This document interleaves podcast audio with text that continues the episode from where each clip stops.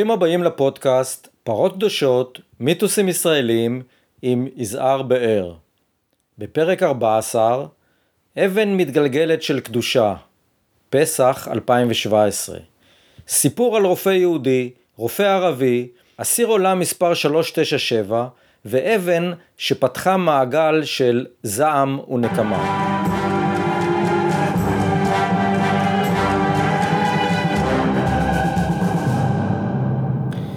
בסיפור הזה יש את כל המרכיבים של דרמת אקשן טלוויזיונית. יש בו מפגשי קצוות בלתי אפשריים, דרמות וקונפליקטים אנושיים, מוות והצלה, שנאה ונקמה.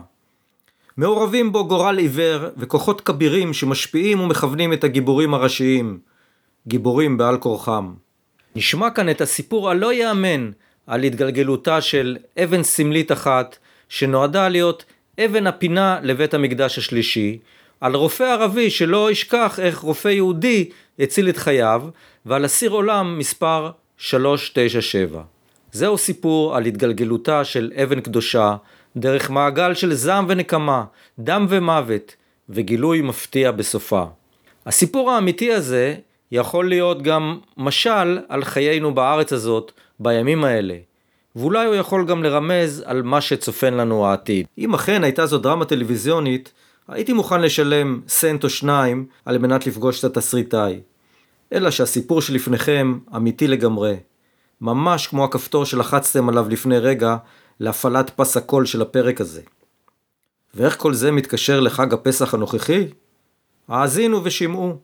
כמו בכל שנה, לקראת שלושת הרגלים, החגים המקראיים, שבהם הצטווה עם ישראל לעלות לרגל לבית המקדש ולהביא מטבעות השדה ומהביקורים, גם בחג פסח זה, שנת 2017, מתכוונים ארגוני המקדש היהודיים לקיים את הטקס המרכזי שלהם למרגלות הר הבית.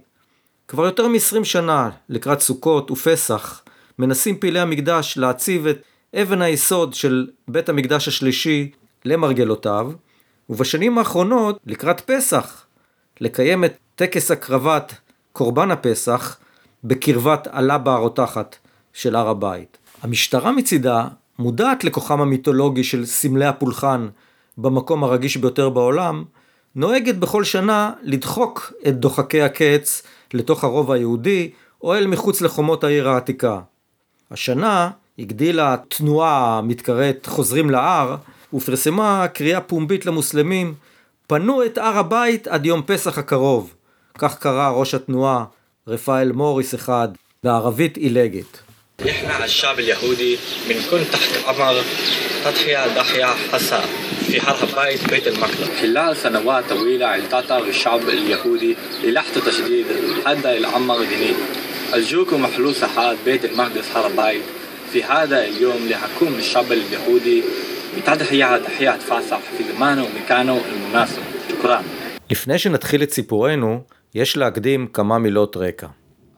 בחג פורים 1994, טבח הרופא היהודי דוקטור ברוך גולדשטיין ב-29 מתפללים מוסלמים שקראו לתפילה במערת המכפלה, טרגדיה שיצרה שרשרת אירועים דרמטית, אשר עיצבה והשפיעה על הסכסוך הישראלי-פלסטיני ברבע המאה האחרונה יותר מכל מעשה יחיד אחר. הטבח במערת המכפלה לפני 23 שנה היה רגע מכונן בתולדות הסכסוך הישראלי-פלסטיני, שהוביל לגל של פיגועי נקמה רצחניים בתוך ישראל, שהכשיר בסופו של דבר את צמיחתו של רוצח ראש הממשלה יגאל עמיר. כל השאר כתוב בספר תולדות הימים של חיינו כאן. ואיך כל זה קשור לסיפורנו, מיד נבין. האבן הקדושה לסיפור שלנו אין באמת סוף והתחלה, אבל אפשר לבחור להתחיל לספרו ביום אחד של אוקטובר 1990. יום שהתחיל רגיל בהחלט, אבל הידרדר בהמשך למעגל של מוות ונקמה שערבב את המחנות הניצים שבסכסוך המיתולוגי על הארץ הזו במין ערבוביה משונה. בשלהי אותה שנה נבחר מיכאל גורבצ'וב לנשיא ברית המועצות והחל בתהליכי פירוקה של המעצמה הסובייטית.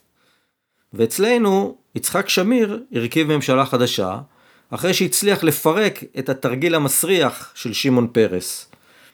האינתיפאדה הראשונה, שנכנסה אז לשנתה השלישית, הייתה עדיין מין התקוממות עממית לא מזוינת, שהתבטאה בעיקר בהשלכת אבנים, פרסום כרוזים, הכרזת שביתות וחרם מיסים. אבל הכל עמד להשתנות לקראת חג הסוכות, כאשר קבוצה קטנה של שוחרי מקדש, בהנהגתו של גרשון סלמון, הודיעה על כוונתה לגרור אבן אחת אל הר הבית, הלא היא אבן פינה לבית המקדש השלישי. הסיפור הטרגי הזה מתחיל אם כן באותה אבן מיתולוגית, מין חלקיק אלוהי שנועד להראות מי באמת שולט בארץ הזאת. אבן שהתגלגלה לפתחו של המקום הנפיץ בעולם, ופתחה באותו יום מעגל נקמה שהשפיע על חייהם של אנשים לא מעטים, ושינה במידה רבה את פניו של הסכסוך. כמו בכל שנה לקראת הטקס הקבוע של הסעת האבן, גם לקראת חול המועד סוכות ב-1990, לא התירה המשטרה לחבר'ה של סלומון להיכנס לעיר העתיקה, והפנתה אותם אל מעיין השילוח בסילואן, השכונה הפלסטינית שתהפוך כמה שנים אחר כך לעיר דוד. אבל חששות המוסלמים מהתוכניות של סלומון לא נרגעו, ובבוקר, השמונה באוקטובר, התאספו מעל שלושת אלפים מוסלמים בהר הבית. המואזין של אל-אקצא השמיע דברים על הצורך להגן על ערביותה של ירושלים ועל המסגדים. כמה עשרות שוטרים נפרסו על ההר, אך שום דבר יוצא דופן לא התרחש, העניינים היו בשליטה, ומפקדי המשטרה, רחמים קומפורט ואריה ביבי, אפילו לא טרחו להגיע לשטח, דבר שיעלה להם בהמשך במשרותיהם. אלא שבסביבות השעה עשר וחצי קרה משהו, מין צירוף מקרים ששינה את הכל. ברגע של היסח דעת, נשמט מידיו של אחד השוטרים רימון גז, שהתגלגל לעבר קבוצת נשים שעמדה בצד המוסלמי, והביא להתלקחות. הפלסטינים השליכו אבנים מכל הבא ליד לעבר השוטרים ולעבר רחבת הר הבית ואל כביש האופל ממזרח. ניסיונותיו של סגן המופתי, אל-ג'מאד ערפאי, להרגיע את הרוחות לא צלחו, והמפגינים המוסלמים תקפו את השוטרים וגירשו אותם מהר הבית דרך שער המוגרבים. אחר כך הסתערו על תחנת המשטרה במתחם המחכמה, שהוא אישה בשוטר אחד, היומנאי. הם היכו אותו והעלו את התחנה באש. תחת הרושם של הנסיגה המבישה, ולנוכח החשש לחייו של היומנאי, התארגנו כוחות משטרה גדולים שפרצו להר בזעם רב ותוך שימוש בירי חי. תוצאות ההתנגשויות באותו יום היו 24-0. 24 הרוגים בצד הפלסטיני, בנוסף לכ-200 פצועים. בצד הישראלי נפצעו 20 שוטרים. אבו סרחן כמה ימים אחר כך, תחת השפעת האירועים הללו, התעורר עאמר אבו סרחן, טייח בן 18 וחצי, מוקדם בבוקר בבית הוריו בשכונת עבדיה, הנושקת לבית לחם, והחליט לצאת למסע נקמה בירושלים היהודית. לחוקריו במשטרה סיפר, החלטתי סופית לנקום בגלל מה שקרה בהר הבית. כבר שבוע אני חושב על זה, והבוקר ידעתי שאני בא לשפוך להם את הדם. אבו סירחן יצא מביתו בשעה שש, כשבבגדיו מוסתרת סכין קומנדו צבאית, להב ארוך וצר, 40 סנטימטר. אוטובוס ערבי הוריד אותו בדרך חברון, לא רחוק מאתר הבנייה בתלפיות שבו עבד. מעסיקיו היהודים ידעו לספר למשטרה כי היה עובד חרוץ ורגיל לגמרי. שום דבר בהתנהגותו לא, לא הסגיר את המזימה שהתגבשה אצלו, העיד מעסיקו במשטרה. הוא צעד ברחובות הפנימיים של שכונת בקעה לעבר רחוב יאיר, שם נתקל בחיילת איריס אזולאי, שיצאה מביתה בדרכה לבסיס. השכנים זוכרים צעקה מקפיאת דם של נערה, עשר דקות לפני השעה שבע, ואחריה שטף נורא של נביחות כלבים. השכנה, ציפי קליינר, שחזרה מהמכולת, שחזרה את הצעקות של החיילת. הצילו, הוא דוקר אותי! לשמע הצעקות יצאו השכנים מבתיהם. מנכ"ל בית החולים משגב לדח, דוקטור מיקי שטרק ואשתו, שניהם רופאים, ודוקטור יצחק וינוגרד, מנהל המחלקה הכירורגית באסף הרופא, ניסו לשווא להציל את חייה של איריס אזולאי. ז'וליאט, אמה של איריס, החלה להשתולל כשראתה שבתה גוססת ותקפה את השוטרים שהגיעו לפני האמבולנסים. באותה עת אבו סירחן שעט במעלה רחוב ברק, שם נתקל בעמיקם קובנר בן 13, אך הכלבים שהתנפלו עליו הצילו את חיי הנער. אבו סירחן רץ עוד 200 מטר לרחוב אפרים, שם פגש את קורבנו הבא, אלי אלטרץ, אומן ובעל משתלה שהחזיק בידיו עציצים. התוקף דקר את אלטרץ לפחות עשר פעמים.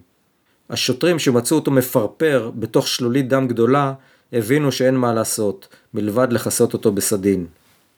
איש ימ"מ בחופשה, השוטר צ'רלי שלוש, ששמע את ההתרחשויות מהרחוב הסמוך, תפס את אקדחו ורץ לעבר הדוקר. השכנים העידו במשטרה כי צעק לעברו שלוש פעמים עצור, אני לא רוצה להרוג אותך. אבל אבו סירחן היה אחוז אמוק ולא עצר. שלוש ירה פעמיים בשוקיו של אבו סירחן. איש הימ"מ המנוסה ניסה לתפוס בכתפיו ולהפילו ארצה, אבל אבו סירחן, שהיה בריון גבה קומה וכבד גוף, הצליח לדקור את שלוש פעם אחת. שני הגברים הפצועים המשיכו להיאבק עד ששלוש התמוטט על אבו סירחן ומת. אשתו יעל, בחודש התשיעי להריונה, הגיעה למקום וזיהתה את גופת בעלה. זה הוא, אני נגמרת, אני מתה, ציטט אותה למחרת ידיעות אחרונות. השכנים סיפרו כי ניצלו את הזמן עד לבוא המשטרה ומעכו את פרצופו של אבו סרחן בבעיטות. למחרת דיווח הניו יורק טיימס מירושלים על הפלסטיני שהשתולל בשכונה היהודית השקטה באותו בוקר ודק, ודקר למוות באמצעות סכין 15 אינץ' חיילת לא חמושה, גנן ושוטר שניסה לבלום אותו. העיתון קישר את פיגוע הדקירה להריג... להריגתם של הפלסטינים באש המשטרה שבועיים לפני כן באירועי הר הבית. עאמר אבו סרחן נשפט בבית משפט צבאי בשלושה אישומים של רצח, נידון לשלושה מסרי עולם, ובית משפחתו בעבדיה נהרס. שלוש ב-27 בדצמבר, חודשיים אחרי פיגוע הדקירה בשכונת בקה, דיווחו הכרוניקות העיתונאיות בקצרה על עוד אירוע של אלימות בשטחים. אלמוני פתח באש לעבר מכונית פלסטינית בצומת גוש עציון, ליד בית לחם, ופצע קשות את יושביה. רופא מחברון, דוקטור פייסל אמרו, אחותו אבתיסאם ובתה איה. מתנחלים קיצוניים שהזדהו בשם הנוקמים הציוניים מיהרו לקחת אחריות על האירוע. הדברים גרמו לסערה ציבורית. דוברי השמאל העלו חשש מהקמתה של מחתרת יהודית חדשה חמש שנים לאחר חשיפת המחתרת היהודית של שנות ה-80 ולאחר שמרבית נאשמיה כבר נכונו ושוחררו מהכלא. חבר הכנסת חיים רמון טען כי הסולחנות והגיבוי שקיבלו חברי המחתרת היהודית שהשתחררו הם מקור השראה להתגבשות סכנה חדשה של ארגוני טרור אשר אם לא ידוכאו ביד קשה, יגרמו ללבנוניזציה של מדינת ישראל. חבר הכנסת יוסי שריד האשים את כל השותפים לשחרור רוצחי המחתרת באחריות להתנגשות וקרא לחשבון נפש. אך בהמשך הצביעו הממצאים והעדויות כי לא מדובר במחתרת חדשה, אלא דווקא באדם בודד שחיפש נקמה. בדיקה של המשטרה הצבאית במחנה צבאי בגוש עציון גילתה כי אחד החיילים ביחידה הוא אריה שלוש, אחיו של צ'רלי שלוש, זיכרונו לברכה, שנדקר למוות על ידי אבו סירחן בשכונת בקעה. כשהגיעו החוקרים לחדרו, מצאו אותו יושב בפינה ממרר בבכי. שלוש הודה מיד כי הוא זה שירה בערבים כנקמה על רצח אחיו. השוטרים העידו כי בכל מהלך החקירה והשחזור שלוש שיתף עמם פעולה והתנהג בקור רוח. אריה שלוש תואר על ידי קצין המבחן כנער שקט, צנוע וטוב לב, שמותו של אחיו הנערץ ערער את יסודות אישיותו. האסון לא נתן לו מנוח, והוא פנה אל מפקדיו בבסיס באופן נואש, בכתב ובעל פה, בדרישה להעביר, להעבירו משירות בשטחים, מחשש שלא יוכל לשלוט בעצמו ויפגע בערבים. בקשותיו כולם נדחו. כחודשיים לאחר מות אחיו, נכנע שלוש לדחפי הנקמה. שלא כמו הדוקר של אחיו, שנשפט בפני בית משפט צבאי, אריה שלוש הועמד לדין בפני בית משפט אזרחי, למרות היותו חייל צה"ל. הוא נדון לשבע שנות מאסר. הנסיבות של המקרה שלפנינו הן טרגיות בכל המובנים. תיאר השופט שמגר, נשיא בית המשפט העליון, באיבושת משפטית את הרקע לפסק הדין בערעור על חומרת העונש שהגישו פרקליטיו של שלוש. הוא מתאר בפרוטרוט את השתלשלותה של הפרשה הטראגית, כיצד החייל שלוש פנה למפקדיו בעל פה ובכתב בבקשה להעביר אותו ממקום שירותו, וזאת מתוך חשש שלא יוכל לרסן עצמו מול תחושות הזעם והנקמה שפיעפו בו אם ימשיך לשרת בסביבה בה שירת. רק לאחר האירוע, בעקבות קבילה של שלוש לנציב קבילות חיילים, נערכה בדיקה, וקצין בדרגת סגן אלוף הועמד לדין משמעתי, וקצין שני בדרגת סגן ננזף באופן מנהלי בשל כך שלא טיפלו כראוי בפנייתו לשחרר אותו משירותו בשטחים. למרות שנקבע כי אריה שלוש הוא חייל נורמטיבי, אשר עד ליום ביצוע מעשה לא היה כל פגם בהתנהגותו, וגם התנהגותו לאחר ההרשעה בבית הכלא הייתה ללא דופי, ערעורו לקיצור תקופת העונש נדחה. לא ראינו אפשרות להקל בעונשו. המעשה של המערער אשר נבע מן הרצון לפגוע באנשים אחרים בשל זהותם הלאומית, פגע קשות בשלושה אנשים חפים מפשע, ואך בנס לא הסתיים באסון חמור יותר, חתם השופט שמגר. דוקטור עמרו את דוקטור פייסל עמרו פגשתי לראשונה באקראי בחברון. כשישב מולי, נחשף לרגע במקרה אחד משוקי רגלו ולעיניי נתגלו שקערוריות עמוקות רבות בבשרו. שו יעני? תמהתי. אז סיפר לי הרופא החברוני כיצד נסע באותו לילה גורלי של דצמבר שנת 1990 לאשפז את אשתו הקורעת ללדת בבית חולים בבית לחם, ועל הנסיעה חזרה לחברון לאחר חצות כשלצידו יושבת אחותו אבתיסאם בת השלושים וילדתה הקטנה בת תשעה חודשים ועל אש התופת שהמטיר עליהם החייל אריה שלוש שהמתין להם בצומת גוש עציון ורק חוט השערה וצירוף המקרים מציל את חייהם. ועוד סיפר על הרופא היהודי שהציל את חייו. حتى اخر لحظه قال لي لما اجى عندي على المستشفى قال لي شو بتتذكر اخر شيء؟ قلت له اخر شيء قلت لك آه، طلعني وديني على هداسه انا لوني في المستشفى وعلى غرفه العمليات وفي قطع غيار موجوده على غرفه العمليات ما بيلحقوا رحموه بس آه، آه، انا هون بتاخر عن المستشفى قال لي انت ما فيك دم בצומת גוש עציון סימן להם חייל חבוש כיפה, חמוש בגלילון, לעצור, סיפר. כשהעדתי, הוא התחיל לירות עלינו. אבתיסאם נפצעה והחלה לצעוק. פתחתי את דלת המכונית וניגשתי לעזור לה. אני רופא, אני רופא, צעקתי לעבר היורה, בעברית, אבל זה לא עזר לי. החייל רוקן לגופו, מחסנית ועוד אחת. בסך הכל נפגע אמרו מ-14 קליעים בכל חלקי גופו. אחותו העידה כי היורה צעק לעברה בערבית את תמותי וגם הוא ימות כשניסתה לעצור את שטף הדם מחזהו של אחיה והתחננה לפניו שיפסיק לראות. כולנו נפגענו אבל אני נפצעתי קשה מכולם, סיפר. כרופא הבנתי את מצבי, אני גמור. אמרתי לאחותי שתסובב אותי לכיוון מכה. הרופא היהודי באמבולנס שהגיע מגוש עציון, דוקטור דוד מיכאלי, ראה שמצבו של הפצוע העיקרי בכי רע, וכי הוא איבד דם רב. הייתי בהכרה רוב הזמן, מספר עמרו. הדבר האחרון, הוא זוכר את עצמו אומר לדוקטור מיכאלי, אני מת. דוקטור עמרו אכן מת. כך לפחות קבע הרופא כשגילה סמוך לאל-חדר בדרך להדסה שאין לו דופק. אבל מה יעשו בהדסה עם גופה של ערבי מחברון באמצע הלילה? דוקטור מיכאלי הורה לנהג האמבולנס להסתובב ולנסוע לחברון כדי למסור את הגופה בממשל הצבאי.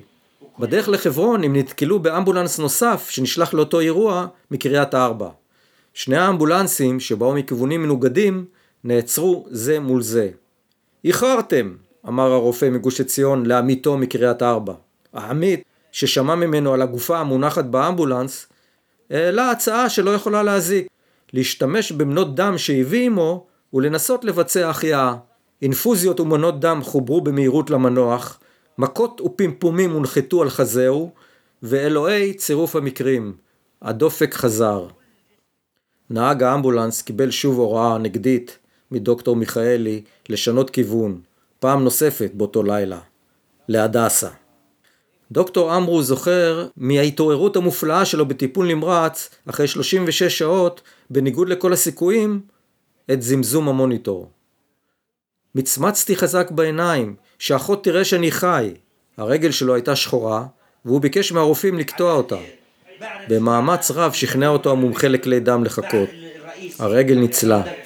אחרי שלושה חודשי שיקום וזרם מבקרים בלתי פוסק, שכלל כמה מראשי המדינה, אמרו, זוכרת, עזר ויצמן, יצחק מרדכי, שייקה ארז וכמה חברי כנסת, הוא חזר לביתו בחברון, מנוקד בצלקות ובמכתשים, אך חי. מי זה אותו רופא מקריית ארבע שהציל אותך? אני שואל. אחד, דוקטור ברוך גולדשטיין, הוא עונה במבוכה. יותר מכל ילד בחברון, דוקטור פייסל עמרו יודע היטב מי זה דוקטור גולדשטיין, הרופא היהודי שרצח בפורים של 1994, שבוע לפני הרמדאן, 29 מוסלמים קוראים לתפילה במערת המכפלה. אחרי שתיקה ארוכה אני שואל אותו, ומה אתה חושב היום על האיש שהציל את חייך? דוקטור עמרו לא צריך הרבה זמן לענות. כלב אבן כלב, הוא אומר.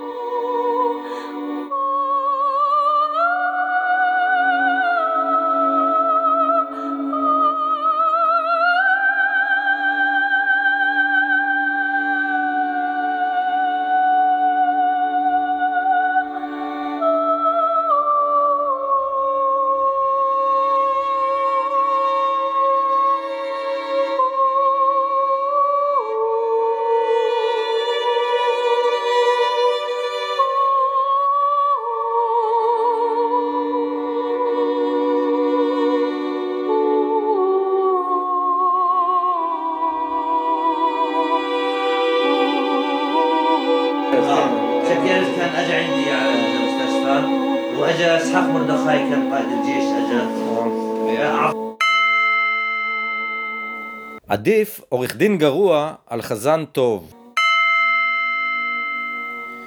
פיגוע דקירה בשכונת בקה ומותו של צ'רלי שלוש, שנמנע מלהרוג את הדוקר, זעזע את המדינה. הליכוד של אז ניסה לנצל את הרושם הציבורי של המקרה ויזם הצעת חוק למתן חנינה לכל החיילים שהיו מעורבים במעשים לא חוקיים בראשית האינתיפאדה הראשונה. חבר הכנסת ריבלין טען הביקורת על צה"ל בעקבות פסקי הדין של משפט גבעתי על שבירת עצמות של פלסטינים והאווירה הקשה בדרגות הפיקוד השונות מחייבות לשים קץ למחול השדים נגד צה"ל. שר החקלאות רפאל איתן דרש כי מי שיתפס עם נשק קר יגורש עם משפחתו ללבנון. לא ניתן כדור בראש כי זה קיצוני, אך יש לגרשו מיד, אמר רפול. ואילו ראש עיריית ירושלים המיתולוגי, טדי קולק, אמר כי הביטחון יחזור לירושלים רק כאשר יתחילו במשא ומתן לשלום. הפרקליט הצבאי הראשי, תת-אלוף אמנון סטרשנוב, אמר בריאיון למחנה כי אין ספק שבמקרה שהשוטר רס"ר צ'רלי שלוש זיכרונו לברכה היה יורה על מנת להרוג את הרוצח בירושלים, הוא היה פועל מתוך הגנה עצמית קלאסית ולא היה מועמד לדין בשום מקרה. באוקטובר 2011 הוזמנתי להשתתף בפאנל במרכז רבין בתל אביב שעסק בטרור וזכויות אדם. שיתפתי את מאזיניי, קציני צה"ל בכירים, בסיפור הטרגי הזה על שרשרת הנקמה שהתחילה בשם אלוהים, בניסיון להניח את אבן הפינה לבית המקדש, שהוביל למרחץ דמים בהר הבית, ועל פיגועי הנקמה הדדיים בשכונת בקה בירושלים ובצומת גוש עציון, ועל ההצלה המופלאה של דוקטור עמרו הפלסטיני בידי הרופא היהודי שיהפוך ארבע שנים אחר כך לרוצח בשם האל במערת המכפלה ולשהיד היהודי הראשון של האינתיפאדה. אחד מעמיתיי לפאנל, דוד צור, מפקד מג"ב לשעבר, קפץ ממקומו. צ'רלי שלוש היה פקוד שלו. איש טוב, לוחם מעולה, שעשה את דרכו לקורס קצינים. הדקירה פגעה בו בצד, מתחת לבית השחי, הוא מספר. היא הייתה קלה, כמעט שריטה, אבל פגעה בכלי דם מרכזי, וזה הרג אותו. בתום המפגש ניגש אליי קצין בדרגת סגן אלוף, וסיפר כי אריה, אחיו של צ'רלי שלוש, היה חבר קרוב שלו בשירות הצבאי. זמן מה לאחר מותו של צ'רלי, נפצע אצלנו בפלוגה חייל חבר באופן קשה, הוא מספר. צירוף הדברים היה יותר מדי קשה עבורו. הוא נעמד בלילה בצומת גוש עציון ופתח באש לעבר המכונית הפלסטינית הראשונה שנקרתה בדרכו. כמה ימים אחרי אותו מפגש במרכז רבין, שוחרר החייל הישראלי השבוי גלעד שליט תמורת 1,027 אסירים פלסטינים. בין המשוחררים היה גם אסיר עולם מספר 397, עאמר אבו סרחן, הרוצח של החיילת איריס אזולאי, הגנן אלי אלטרץ והשוטר צ'רלי שלוש. לא הותר לו לחזור לעבדיה והוא גורש לעזה. תחת ההשפעה הקשה של פיגוע הדקירה בשכונת בקה בירושלים וכישלונו של השוטר צ'רלי שלוש לעצור את הדוקר בירי לרגליו, עברו כוחות הביטחון להשתמש בתחמושת ובנשק בולמי הסתערות, כמו למשל כדורי תשעה מילימטר. בהשפעת אותו אירוע ואירועים אחרים, כתבו חיילים בעמדה שבה נרצחו חייל וחיילת בחברון, את הסיסמה שהפכה שגורה בחוגים רחבים. מוטב עורך דין גרוע מחזן טוב. תומכי אליאור עזריה היו מאמצים מן הסתם בשמחה סלוגן כזה. פוסט פקטום דוקטור ברוך גולדשטיין הרופא היהודי הכהניסט שטיפל ביהודים וערבים והציל את חייו של דוקטור עמרו הוכרע בסופו של דבר על ידי מראות הדם היהודי במיוחד רצח בני משפחת לפיד ידידיו הקרובים על ידי החמאס במסגרת מאבקם באוסלו ועל ידי המתח הרוחני הבלתי נסבל שהיה שרוי בו ויצא למסע הרג שממנו לא שב במערת המכפלה בחג הפורים לפני 23 שנים. גולדשטיין, השהיד היהודי הראשון בתקופה המודרנית, הצליח להטות את הכיוון ההיסטורי שאליו הוביל תהליך אוסלו בראשיתו ותרם להכשלתו אולי יותר מכל אדם יחיד אחר. בעקבות הטבח במערת המכפלה החלו פיגועי ההתאבדות ההמוניים של החמאס בתוך ישראל לאחר שהוכשרו בפסקי הלכה מתאימים והם אשר הולידו בסופו של דבר את הרוצח יגאל עמיר שיצא למשימתו לחסל ראש ממשלה נבחר כשהוא ניסה על כתפי תמיכה ציבורית שהושפעה מגל הטרור הנורא שהתרחש בעקבות הטרור במערת המכפלה ונגד תהליך אוסלו.